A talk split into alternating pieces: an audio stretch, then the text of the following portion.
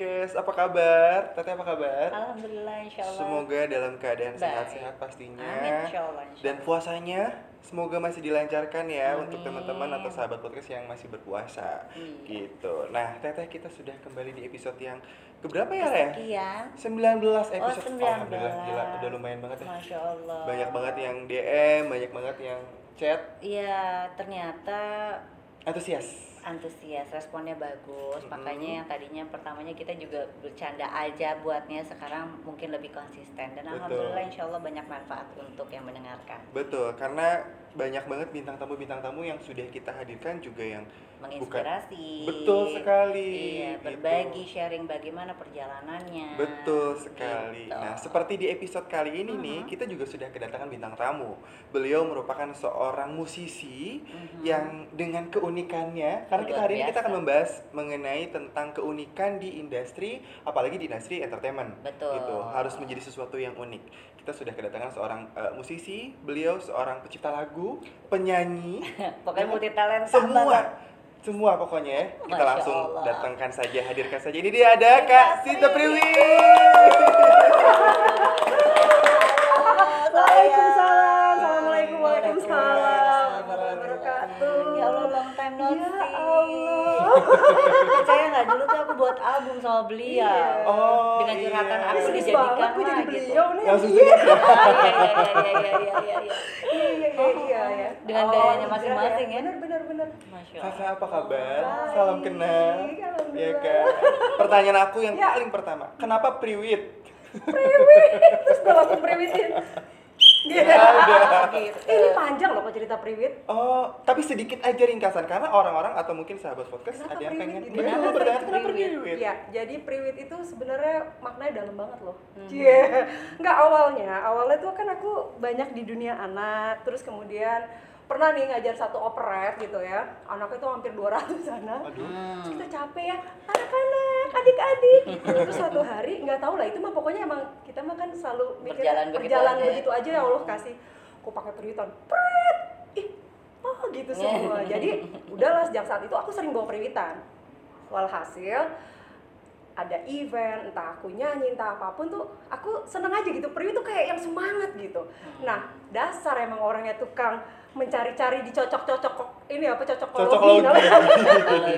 jadi priwit singkatannya profesional oh gitu gitu langsung lah pokoknya gitu ya? gitu lah pokoknya sampai ujung-ujungnya tuh tagnya talenta gitu nah singkat cerita akhirnya udah tuh si priwit itu setiap kali aku bawa gini lu kayak tukang parkir ya gitu, dulu gue mah kesel ya. Apaan sih gitu? Padahal aku udah sedemikian rupa mencari cocokologi itu. Karena sebenarnya priwit itu kan simbol kayak orang eh, baris berbaris biar teratur prit prit jadi harapan hidup tuh agak teratur gitu. Terus semangat gitu. Terus disiplin tadi ya biar ini. Terus kemudian siapa lagi yang pakai periwitan? Wasit. Hmm. Jadi harapannya wasit itu harus adil gitu. Jadi Betul. semua tuh mengandung eh, apa Makna. Filosofinya dalam yang dalam ya. tapi yang tadi itu balik lagi masalah periwit eh, apa tukang parkir. Ih kok kok gini sih? Tapi setelah aku pikir-pikir ternyata tukang parkir tuh hidup yang paling ikhlas kayak filosofi tukang parkir dititipin apa aja sama Allah ya kan? Dititipin datang titip ya. Oke bos. Ya kan? Iya. diambil marah nggak? Enggak lah. Jadi itu kayak Bener, orang bener, hidup lo mau dititipin uh, mobilnya Alphard ya nggak apa-apa juga. Begitu lagi naik sepeda kumbang ya udah nggak apa-apa Ya udah. juga. Jadi itu kayak yang akhirnya aku makin oke nggak apa-apa gue punya nama satu ibu nama panggung ceritanya Sinta Priwit yang penting ada makna yang baik Masya Allah. gitu. Kalau digali si Priwit ini Dalam. jadi bukan cuma sekedar priwit gitu tapi orang kadang-kadang suka soteu nih yang bayangin ya wartawan nulis nih Sinta Prawita. Kok Prawita? ya karena dia pikir nama priwit apa. Jadi mungkin dia salah dengar jadi misalnya Prawita, Prawita. pencipta lagu ini ini. Ketawa ya gue udah. Terus satu lagi nih yang di BNN yang kan itu bayangin dong. Edukasi tentang narkoba anti anti narkoba. Kemudian gue ditelepon mereka lagi ribut kenapa rumah priwet? Priwet sih bukan priwet. karena dengarnya priwet tuh mungkin kok rumah priwet? Ada di satu komunitas eh, edukasinya si anti narkoba. Ditelepon lah. Jadi mereka nih lagi kasak kusuk nih rumah priwet rumah priwet gitu. Udah terus Hmm. udah begitu. Akhirnya dia, saya bilang ini rumah priwet Indonesia. Oke datanglah kita diundang.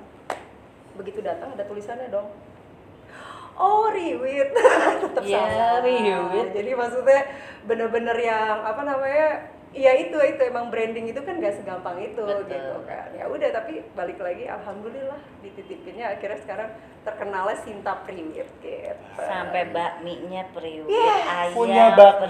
priwit. ayam priwit. Nah, bakmi tadi namanya mie, mie priwit. Tapi akhirnya gara-gara priwit itu kan terlalu banyak gitu ya, jadi aku pakai ganti, ganti ya bakmi sip. Sinta priwit juga maksudnya Oh, gitu. sip asik Gitu. gitu. Jadi selain ibu seorang musisi, Mhm. pencipta lagu, penyanyi punya usaha juga. pengusaha Alhamdulillah. terus udah gitu pokoknya biasa. multi talenta dia dia motivator Palu gada juga. kita ya. Emang kita Temenan. genging palu gada iya, ya. betul beliau juga seorang memang pegiat sosial Giat sosial, giat banget. Masya Allah, Sekarang tuh teman lagi hijrah juga loh. Oh iya teman hijrah. Iya, makanya kita album pertama lagunya cerita ya soal Hijrah. mengenai hijrah hijrahnya pasti, sebelum kita. Tapi sebelum ke sana, aku mau nanya dulu, kesibukan sekarang tuh ngapain aja? banyak Iya, dari yang sekian banyak ya alhamdulillah aku masih eh, masih sebagai musisi, masih sebagai praktisi kehidupan. Berat Allah. ya berat ya Ya, kita kan semua praktisi kehidupan, orang kita Iya, hidup. betul. Betul, betul. Nah, di dunia musik ya alhamdulillah lagi dipercaya untuk aku kan emang sering bikin eh, lagu anak-anak, kemudian juga beberapa jingle untuk kampanye edukasi, kesehatan, sosial kayak gitu-gitu. Nah, kebetulan nih alhamdulillah di eh, dunia musik sedang menggarap ini apa animasi sama Mas Baim Wong sama Mbak Andin. Jadi aku sebagai tim musik dan audio bersama dengan Andin gitu. Hmm, luar Emang suka biasa. anak-anak ya kak? emang Aku suka semua. Suka makan, Dari anak-anak suka sampai nenek-nenek ya, ya. Karena beliau juga ter, eh, ter- ini Iya, ya tergabung di Alzheimer ya. Iya, betul. Sebagai Al- ketua. Enggak, dulu, Oh, dulu, dulu. dulu. Alzheimer. Jadi di Yayasan Alzheimer Indonesia tuh seru ya. Bayangin ya, itu membahas tentang kepikunan. Mhm. Tuh, Oh, aneh, aneh. Jadi, jadi bayangin dong. Kal- pasti Mas uh, Firman Firman. juga berpikir pikun itu hal yang biasa bener Iya. ya? Iya kan? Nah, mumpung di kesempatan podcast yang kece ini, Hmm. pikun itu bukan sesuatu hal yang biasa dari penuaan. Jadi itu Hmm. satu Penyakit. penyakit, penurunan fungsi otak gitu. Hmm, tuh kan. Oh jadi bukan bukan hal yang lumrah. Bukan, Berarti- kalau lumrah berarti orang, semua orang di Pasti usia akan- itu pasti akan pikun. Betul. Oh. Nah, tapi ternyata banyak orang-orang yang di usia let's say 80 90 tahun aja masih bisa hidup bermakna karena ya dia nggak pikun. Oke, Balik ke investasi hidup sebelumnya Iya, gitu. kayak kecil ya. Iya, dari mulai sekarang. Makanya sebenarnya lu kok anak muda orang entertain edukasi tentang urusan nenek-nenek. Lu salah, bukan urusan nenek-neneknya, tapi kita sebagai anak muda, nih inget nih, mumpung kita sekarang supaya nggak pikun, paling nggak ada tahapan-tahapan yang kita Iya. bisa lakukan. Investasi sekarang untuk tua. Masa gitu. depan. Masya Allah ya luar biasa. Ini tuh mentor yang bagus. Masya Allah. Teman, mentor, sahabat, partner. Uh, masya Allah deh. Belajarnya dari ini juga, Masya Allah. eh, genre musik apa sih yang kalian dengerin? Nah, reggae. Ah, ini lagi nih. Nah itu karena konsep hidupnya asik ya.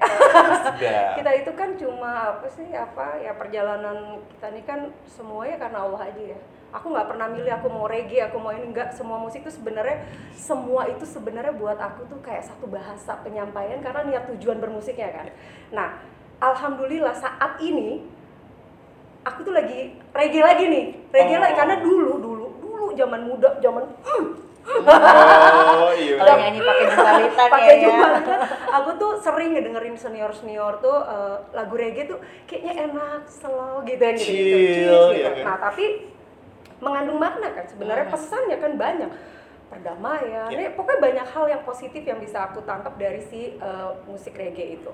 Nah akhirnya perjalanan ini tadi kan aku semua hampir semua musik, semua genre musik, cuma jiwanya itu tadi karena santai, terus lebih yang tadi lebih lebih chill, terus kemudian reggae itu buat aku sesuatu hal yang storytelling gitu. Jadi dia tuh kan aduh saya nggak mau jadi kan konsepnya gitu ya kita tuh kayak bertutur kata bercerita cuma berlagu Iya. nah itu buat aku kenapa akhirnya aku Soulnya nyaman di itu ya. yang di reggae gitu Walaupun sekarang sudah berhijrah, tapi tetap ya bersyiar itu bisa melalui apa, apa saja. aja Masya Allah. kan niat niatnya makanya eh, dulu dulu kita pasti beban ya hidup berkarir bermusik entertain segala macam tuh eh, karena punya tujuannya kan gue pengen gini karena terkenalnya pengen ya begitu secara duniawi alhamdulillah akhirnya mungkin sekarang tuh lebih yang ya udah gue di alhamdulillah dikasih eh, keberkahan kemampuan di bidang itu apa sih yang bisa kita lakukan?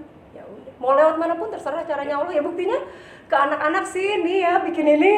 Ke yang ini nih ya bikin ini. Nah ntar untuk ibu-ibu eh, sama ayam beb kita nyanyi lagi ya. Gitu jadi udahlah Iya. asik aja. Nah kalau Gitu. kita boleh flashback ke belakang nih ngomongin tadi kan sempet Mm-mm. Tete juga mention teman hijrah. yes. Kata-kata hijrah tuh kan panjang dan Panjang, dalam gitu. Maksudnya iya, bukan iya, sekedar iya. orang berpindah aja, tapi ada proses di balik itu. Nah, itu gimana tuh? aku Kasinta dari yang tadi kan Ah. bilang, Woi. gitu ya. Kalau nggak pendek nggak keluar "Wah, gitu ya. Pokoknya kalau udah segini, mm, gitu. Baru gitu. Iya, nah itu alhamdulillah kan emang ah gimana ya? Itu balik lagi lah, udah banyak bersyukur ya sama Allah ya. Kalau nggak karena dikasih hidayah juga nggak ini ya nggak nyampe Jadi ini masya Allah ya. Jadi aku terima kasih nih sama Umi, Uminya Fikri Rasta. Ada reggae namanya. eh, aku manggilnya Umi sih. Jadi satu hari ini lucu deh. Kita lagi pakai celana pendek segini nih ke rumah dia nih, ke rumah orang Arab nih ya. Gini. Terus Umi dengan santainya nanya, Sinta, kamu eh, kapan mau pakai jilbab? Hah? ini pakai celana pendek gue. Kapan mau pakai jilbab? Astagfirullahaladzim Umi, belum siap gitu saya jawabnya. Saya Tommy kok belum siap? Nggak ada nunggu siap pakai jilbab mah, gitu. Udahlah itu nyantol ke aku ya. Terus tiba-tiba dan ini nggak nggak pernah loh misalnya nanti saya akan hijrah gini enggak lah bayangin ya kita pendosa ya pendosa yang penuh dosa ini ibaratnya begitu banyak lika-liku mana sih mungkin kepikiran kalau nggak digeret-geret sama Iya. Allah ya tapi mungkin mungkin kita nih insya Allah ya mudah-mudahan kita semua nih eh, lahir kan baik ya. Jadi kalau masih ada cahaya-cahaya itu mungkin insya Allah ada panggilan ke situ. Udah nggak pakai niat. Yang maksudnya aku mau pakai juga. Enggak. Datang sahabatku namanya Noni. Itu juga lucu orangnya juga rock and roll tadinya. Suka ngeliat dia gitu. Aku bilang non eh, oh ya ini satu hal. Aku sih pernah bermimpi ya. Nanti suatu hari gue kalau manggung pakai jubah. Gitu. Tapi belum ngomongin masalah jubah tapi pengen pakai jubah gamis gitu kan biarin musisi Keren keren gitu. bahasanya saat itu tapi nggak berpikir secara ilmu ya. Tiba-tiba Noni datang gue cuma gini "Eh, non gue pinjemin itu dong. Apa ninja? Kan karena bisa gitu-gitu Iya. kan. Nggak dipinjemin dikasih sama dia alhamdulillah tiga biji. Udah langsung aku pakai set. Terus aku bilang sama suamiku aku mau pakai jilbab ya. Ya kaget lah bayangin. Terus tiba-tiba nggak pakai ini udah Nggak pakai aba-aba nggak ya. pakai aba-aba. Iya, Allah Masya. Allah, Masya Allah. dan terus aku pikir ya pada saat itu kebayang nggak? Orang pakai jilbab tuh kan dulu eh, kan selalu banyak pikiran duniawi ya. Gimana kerjaannya mau, mau- mau- apa penyanyi pula nggak keterima. Tapi ya itulah udahlah Allah udah. Begitu justru pakai jilbab masya Allah masya Allah. Lah semuanya udah Dilancarin nih. lancar nggak ada nggak ada hujan. Sinta besok syuting ya. Ah syuting apaan? Baru dia pakai jilbab. Dan percaya nggak? Itu almarhum ada ya. Almarhum dulu ada di produser di salah satu televisi. Dia tuh sahabat aku banget. Dia ngeliat aku aku pakai jilbab gitu ya. Kan dulu masih pakai pasmina panjang-panjang gitu ya. Astagfirullahaladzim Cinta lu kenapa keredongan? Keredongan, namanya kerudungan. keredongan. Keredongan Keredongan orang tuh, selimutan iya. kan Oh. jadi pakai pasmina gede dia bilang kenapa lu Kayak orang sakit keredongan jatuhnya." ya?" gitu. udah ketawa tapi udah akhirnya aku cek gitu ya ada satu lagu religi dan anak-anak juga waktu itu. itu lagu siapa dia bilang lagu gue lu syutingnya besok Tuh, Masya Allah Masya ya. Allah. Memang ada di jalan. udah abis itu justru malah ya itu pertama kali akhirnya aku bikin lagu reggae nah ini lucu lagi judulnya terima kasih Tuhan hidupku asik pakai hijab seorang pada bilang ya Sinta lu reggae syariah Hmm, nggak apa-apa kan Ya, nggak banyak apa-apa. bidang yang Banyak harus bidang. diisi. Iya, jadi Betul. Syiar itu udah. kan nggak harus template-nya betul-betul Iya. baku. Harus syariahnya begini Iya. begini nggak ada. ya sekarang gini aku mau syiarnya ke jalanan Betul. kalau aku pakainya harus beradaptasi lah kan setidaknya. repot juga jadi ya emang kita harus penyesuaian ya begitu Betul. manggung sama eh, Kak Ade gitu misal di satu acara yang emang harus Formil, formil ya ngikutin ya. ini terlalu loh kamu lihat ya struktur dia tepat sekali untuk memakai high heels 15 cm? Dan memakai gamis dengan bling-bling dari atas ke bawah. saya dikasih bling bling itu terus 15 cm. udah ya ini gue sakit pinggang ini. Dia dan gua nggak boleh lepas dari gitar ini. enggak kalau begitu lepas gitar kacau hidup gue langsung nih.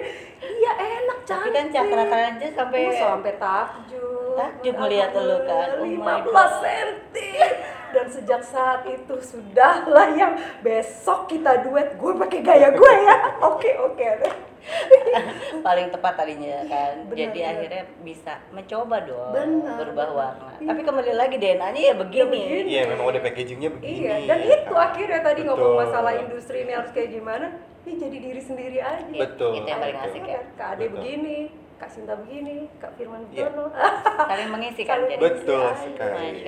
Nah kalau tadi kan sempat disinggung masalah soal setelah kakak berhijab ternyata Iya. ada aja di dunia Alhamdulillah, kerjaan tuh ada aja. alhamdulillah. Tapi secara pribadi atau secara dalam hati ada kesulitan gak sih? Pertama kali menggunakan hijab orang pasti ada beda-beda, gerah lah, Enggak, tiba-tiba. Alhamdulillah itu karena karena pakai jilbabnya sesuai dengan yang aku, maksudnya gini aku itu kan berusaha menutup ya belajar masalah akhirnya ya aku sampai sekarang aja syari itu kalau pas lagi cuma pengajian apa ya, sehari-hari kan masih masih ini aja masih pakai celana jeans itu jadi aku berusaha yang eh, kan aku menikmati Betul. aku nggak ada yang nyuruh nggak ada yang maksa dan aku enjoy gitu kok aku malahan tadinya oh gitu justru begitu nggak pakai jilbab kayak rasa gimana baju ya? alhamdulillah isti apa Berapa tahun sih ya? Aku 2015 ya 2015. kamu 2016 kan Iya, kita pas beda itu ya setahun. beda setahun karena emang bener-bener pas dan alhamdulillah ya ini malah aku yang ini Kak Ade ini malah puk, cepet dia Allah. belajar ya maksudnya dia bener-bener yang mencari ininya tuh cepet kalau aku tuh kan emang ya itu tadi karena aku pelan gitu. Terus aku sedikit-sedikit yang kalau Kak Ade kebetulan lingkungannya emang mendukung semua segala sesuatunya kan. Nah aku tuh ya itu tadi karena aku kadang-kadang sih bukan siar ya maksudnya eh, sharingnya ada di beberapa tempat yang mengharuskan ya nggak mungkin sama anak pang terus gue pakai misalnya Iya. kayak gitu gitu Gitu Iya, sih. tapi karena waktu itu kita juga satu guru ya kebetulan Iya, iya, ya, alhamdulillah, Pak alhamdulillah, Hadi ada gitu kan Hadi, ya, Ariza, melalui betul. semua semua orang terdekat kita, terutama yang turut mendukung, Iya, mendoakan kita. betul alhamdulillah alhamdulillah Memang nggak ada yang di planning. Firman. Mm-mm, Sama seperti sama. Kak Sinta, dia juga pasti nanya, ya yakin lu sekarang Iya. berhijab? "Hmm, belajar gue, Tapi udah aku, gitu aja. Masya Allah, aku ngeliat ya, begitu Kak Ade pakai hijab, auranya Masya Allah, aku langsung Allah, ya Allah, gitu maksudnya, ya udah gitu dan balik lagi karena emang ya itu sih ya kita niat berhijab karena apa, Ya. kemudian ya doa-doa dari orang-orang, dari guru-guru, dari orang tua ya jadi jadi kayaknya emang alhamdulillah sih dimudahkan dan mudah-mudahan insya Allah sih koma ya. Amin, ya. amin insya Allah. Bukan fashion ya, bukan Bukan, ikut-ikutan. bukan. Justru malah Zaman orang belum. Iya iya, zaman zaman dulu kan orang belum. satu itu. Dan yang kedua malah saya juga tidak berikrar Iya. ke orang-orang karena Iya, takut. iya. Dek, kok nggak dibuka pengajian? Iya, Ya udah iya, bilang iya, aja iya, gitu. iya, iya, kalau untuk iya. menjaga gitu loh. betul betul Iya kan? betul iya karena kan khawatir juga Mm-mm. orang anggapnya oh kayak ikut padahal dan pada saat itu emang belum rame juga orang Betul, hijab. Belum, betul. belum, ya. belum kayak Belum style se- banget kayak sekarang tuh Betul, belum benar-benar udah se-hype banyak. sekarang Betul, gitu ya. betul. Iya, aku bangga tapi yang Ih sama lah. Walaupun kita jarang ketemu ya, ya itu tadi kita ya da- dari doa kemudian intens dan kita tuh selalu support dalam hati gini. Dia berjalan di mana, dia berjalan di mana. Ya itu support dukungan orang kan mendingan gitu ya doain jarak jauh Mm-mm. tanpa orang juga tahu gitu ya insya Allah selalu lah. Daripada ketemu tiap hari tapi gosip. Iya, iya, iya. Bang. Dan kita alhamdulillah lagi belajar mengurangi yang ya udahlah Tapi kalau tipikalnya kita dari dulu juga nggak suka ya? gitu, nggak suka gitu. Orang kalau udah ngomongin gibah kita habis pengajian melipir pulang bye gitu. Tapi Iya, jadinya asik lah, insya Allah menjadi barrier ya, Iya. ya. Masya Allah. Tapi ini satu lagi mengenai soal hijab. Ada em, circle yang tidak mendukung nggak sih? Kan nggak mungkin semuanya kayak oh iya bagus 100% mendukung. Iya. Pasti ada aja nih kan kak gitu. Termasuk kak Teteh juga pada saat awal berhijrah. Ada nggak sih satu atau dua segelintir orang yang kayak alah ngapain sih pakai jilbab? Gitu, Gitu kan sih, itu cobaan iya, ya. iya, gitu sih enggak. Tapi paling dianggapnya nggak asik aja. Jadi maksudnya kalau Iya, mau diajak nongkrong tuh ah sekarang Udah nggak beda asik udah beda frekuensi. Padahal ya itu tadi aku sih justru gini ya kan kita nggak bisa ngejat seorang ya. Iya. orang yang nggak pakai jilbab aja boleh jadi ilmunya Iya, lebih, lebih, Lebih daripada kita. kita, betul. yang berhijab gitu. Betul. jadi jadi emang aku ya alhamdulillah alhamdulillahnya akhirnya keterima di segala di Segmen. segala segmen di segala komunitas dengan ya itu tadi ya mungkin karena kita tipikal orang yang nggak menjat seorang begitu ya jadi justru aku bilang ya teman-teman yang mungkin nggak berhijab itu juga gurunya kita malahan Hmm. ya kan kita bisa ngelihat oh dia dengan sedemikian kita kan nggak tahu orang akhir hidupnya jangan-jangan dia lebih soleha dari kita Betul. jadi benar-benar Kak Firman aku tuh ya udahlah alhamdulillah dia emang ketemu dan ketemunya emang orang-orang yang sama frekuensinya Satu karena ada frekuensi. yang ya, benar nggak Iya. sih?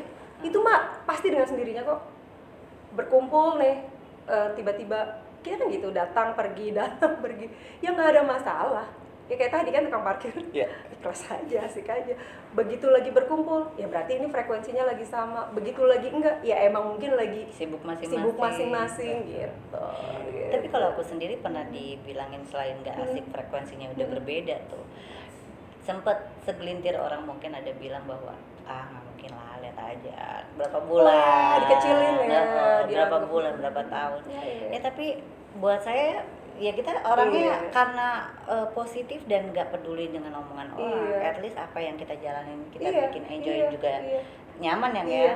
jadi ya alhamdulillah nggak terpengaruh dan mungkin kayaknya polanya kan mencari Iya. maksudnya gini eh, kekhawatiran-kekhawatiran itu mungkin akhirnya ter apa ya Cover. tercover dengan tadi kan banyak ilmunya jadi pegangannya tuh saling berpegangannya tuh makin makin Iya. kuat gitu dan udah mungkin insya Allah ya arahnya tuh hidupnya tuh udah lah nanti gitu. Sekarang sih kan emang lagi ya udah lah ya menjalani apa yang dikasih aja sama Iya. Allah Iya.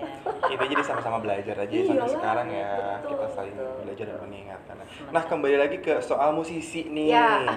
Kakak Sinta Priwit ini kan dikenal sebagai musisi, penyanyi dan penyanyi reggae lagi. Dan penyanyi reggae pakai jilbab pula.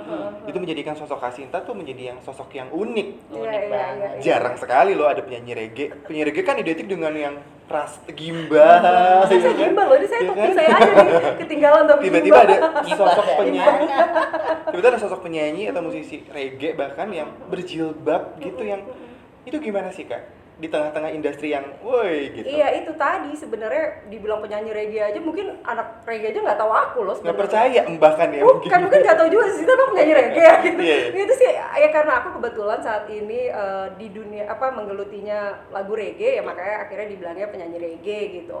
Nah eh, kendalanya ya pastilah berhijab di di, di di apa namanya di komunitas reggae yang dalam konotasi mungkin selama ini ya dianggapnya begitu gitu ya. Maksudnya gimbal terus kayak yang ya kayaknya gimana banget ya itu tadi. Satu tujuan bermusiknya kan udah bukan untuk urusan diterima secara apa ya secara Manusiawi. iya manusiawinya. Maksudnya lu bukan begitu lagi. Aku berniat insya Allah nih Allah juga insya Allah ridho.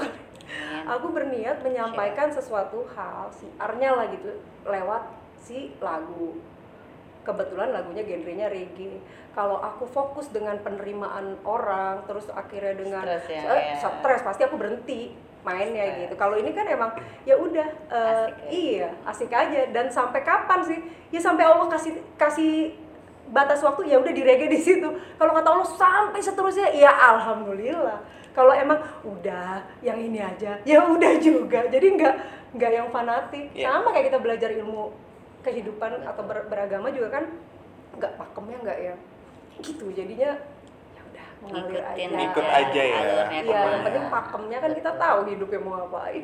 iya gitu Gitu. nah sebelum kita menutupi uh, podcast kita Mm. pada hari ini ada pengalaman unik nggak selama kakak terjun di industri ini baik musisi baik apa pun itulah ada sesuatu yang unik nggak yang pernah Ya dialami unik ya itu em, dulu ya kita nyanyi nyanyi maunya lagu begini begini begini Allah takdirkan ternyata aku justru keliling dunianya dengan lagu campaign oh jangan malu dengan pikun tadi translate bahasa Inggris bahasa Jepang bahasa Cina jadi yang bawa aku sampai nyanyi di dunia internasional di conference gitu misalnya kayak di uh, New Zealand lagu Jangan Malu dengan Pikun pakai bahasa Inggris. Di Jepang sama 100 orang semua demensia kanan kiri nih. Cuma ini doang nih dan berhijab. Kebayang? Itu di di di, di Jepang orang kanan kiri semua orang eh, demensia. Allah. Aku berhijab di situ. Jadi emang eh, ya banyak pengalaman unik ya termasuk waktu sebelum berhijab pun membuka satu band besar saat itu yang bayangin ya gitu ya dengan minimalisnya ke mana-mana masya Allah astagfirullahaladzim ya tapi ya itu selalu eh, aku meyakini ya apa pun yang Allah kasih saat itu ya sudah yang terbaik yang penting kita menjalankannya maksimal aja sih Masya Iya, Masya Allah. Menjalankan maksimal. Coba coba suruh nyanyi sedikit yang tadi. Boleh, boleh, sebelum kita closing ya. Aduh, sedikit kalau bahasa Inggris saya harus pakai teks bahasa Jepang juga Iya, iya. boleh boleh yang yang yang bahasa Indonesia aja lah aja ini, ini Baik. netizennya Indonesia oh Iya. netizen sih pendengarnya gini deh siapa bilang pikun itu biasa saja tadi bilang biasa saja kan. Mm-mm. siapa bilang pikun itu tak berbahaya tuh Tuh bahaya. Jangan maklum dengan pikun, jangan maklum dengan pikun. Hati-hatilah. Nih. Bila sudah mulai lupa, bingung tidak fokus, marah-marah curiga yang berlebihan. Pikun jangan, jangan. Pikun. Ya, pikun. Jangan. Jangan. Jangan maklum pikun, pikun. Jangan. Jangan Pikun. pikun jangan jangan maklum dengan pikun Jangan. Pikun. Keren banget. ini di aransemen ulang sama Mas Andi Rianto Wih, dan alhamdulillah lagu ini aku hadiahkan untuk uh, Yayasan Alzheimer Indonesia untuk awareness raising jadi ya udahlah mudah-mudahan bermanfaat Oke, sahabat podcast nggak boleh tuh nganggap pikun itu adalah lumrah dan Yes. biasa-biasa aja. Jadi segera harus ditanggapi dengan serius iya ya. betul Nah, Kak Sinta kan tadi udah banyak banget cerita dari mulai pengalaman hijrah, Iya, pengalaman berkarir, dan menjadi sosok yang unik di komunitasnya Iya, iya, iya. gitu. Nah, ada nggak pesan-pesan eh, buat para sahabat podcast? Apa pun itu, silakan boleh disampaikan. Ya pokoknya eh, pesannya adalah syukuri aja kehidupan ini karena hidup itu anugerah, isi dengan hal-hal yang baik. Kalau buat aku ya terus berkarya, yang pasti jadikan hidupnya ini lebih bermanfaat, ya banyak manfaat untuk diri sendiri, insya Allah untuk orang lain. Kemudian ya eh, jangan pernah membandingkan diri kita dengan orang lain deh. Bandingkan diri kita hari ini dengan hari kita yang kemarin. Jadi insya Allah kita bersyukur aja terus. Jadi Selalu lebih baik bersyukur. ya. Pasti, insya Allah. Selalu bersyukur dan tetap menjadi diri sendiri. Yes. Kak Sinta Masya Priwi, terima kasih Terima banyak. kasih. Sama-sama. Sudah hadir dan Sama-sama. menyempatkan waktu di Di podcast sela- kita. di sela-sela kesibukan Iya, Luar biasa, bukan luar yang biasa. ini lah. Kita mah asik-asik aja semua. Kalau pengen tahu kehidupannya Kak Sinta Langsung boleh di follow aja. Instagramnya Iya. di Oke, Instagramnya. IG-nya sama Sinta Priwit. Jangan lupa juga subscribe di YouTube aku Sinta Oke. Priwit. Oke, dan jangan lupa subscribe juga di YouTube channelnya kita AFK Beauty Skincare dan Yes. juga di follow di Spotify AFK Beauty Yes. Skincare. Yes. Instagram Teteh di Official ada Fitri Kirana. dan Instagram saya di Zian Firman underscore 2 Terima kasih para sahabat podcast yang selalu mendengarkan dan juga nonton di Youtube kita Dan jangan bosan-bosan untuk terus komen, like, dan share Dan juga eh, kasih input ke kita bintang tamu siapa Iya, lagi yang mau diundang untuk ke depannya next Betul episode. sekali Iya. Sekali lagi terima kasih banyak, kita pamit undur diri Assalamualaikum warahmatullahi wabarakatuh Assalamualaikum warahmatullahi wabarakatuh.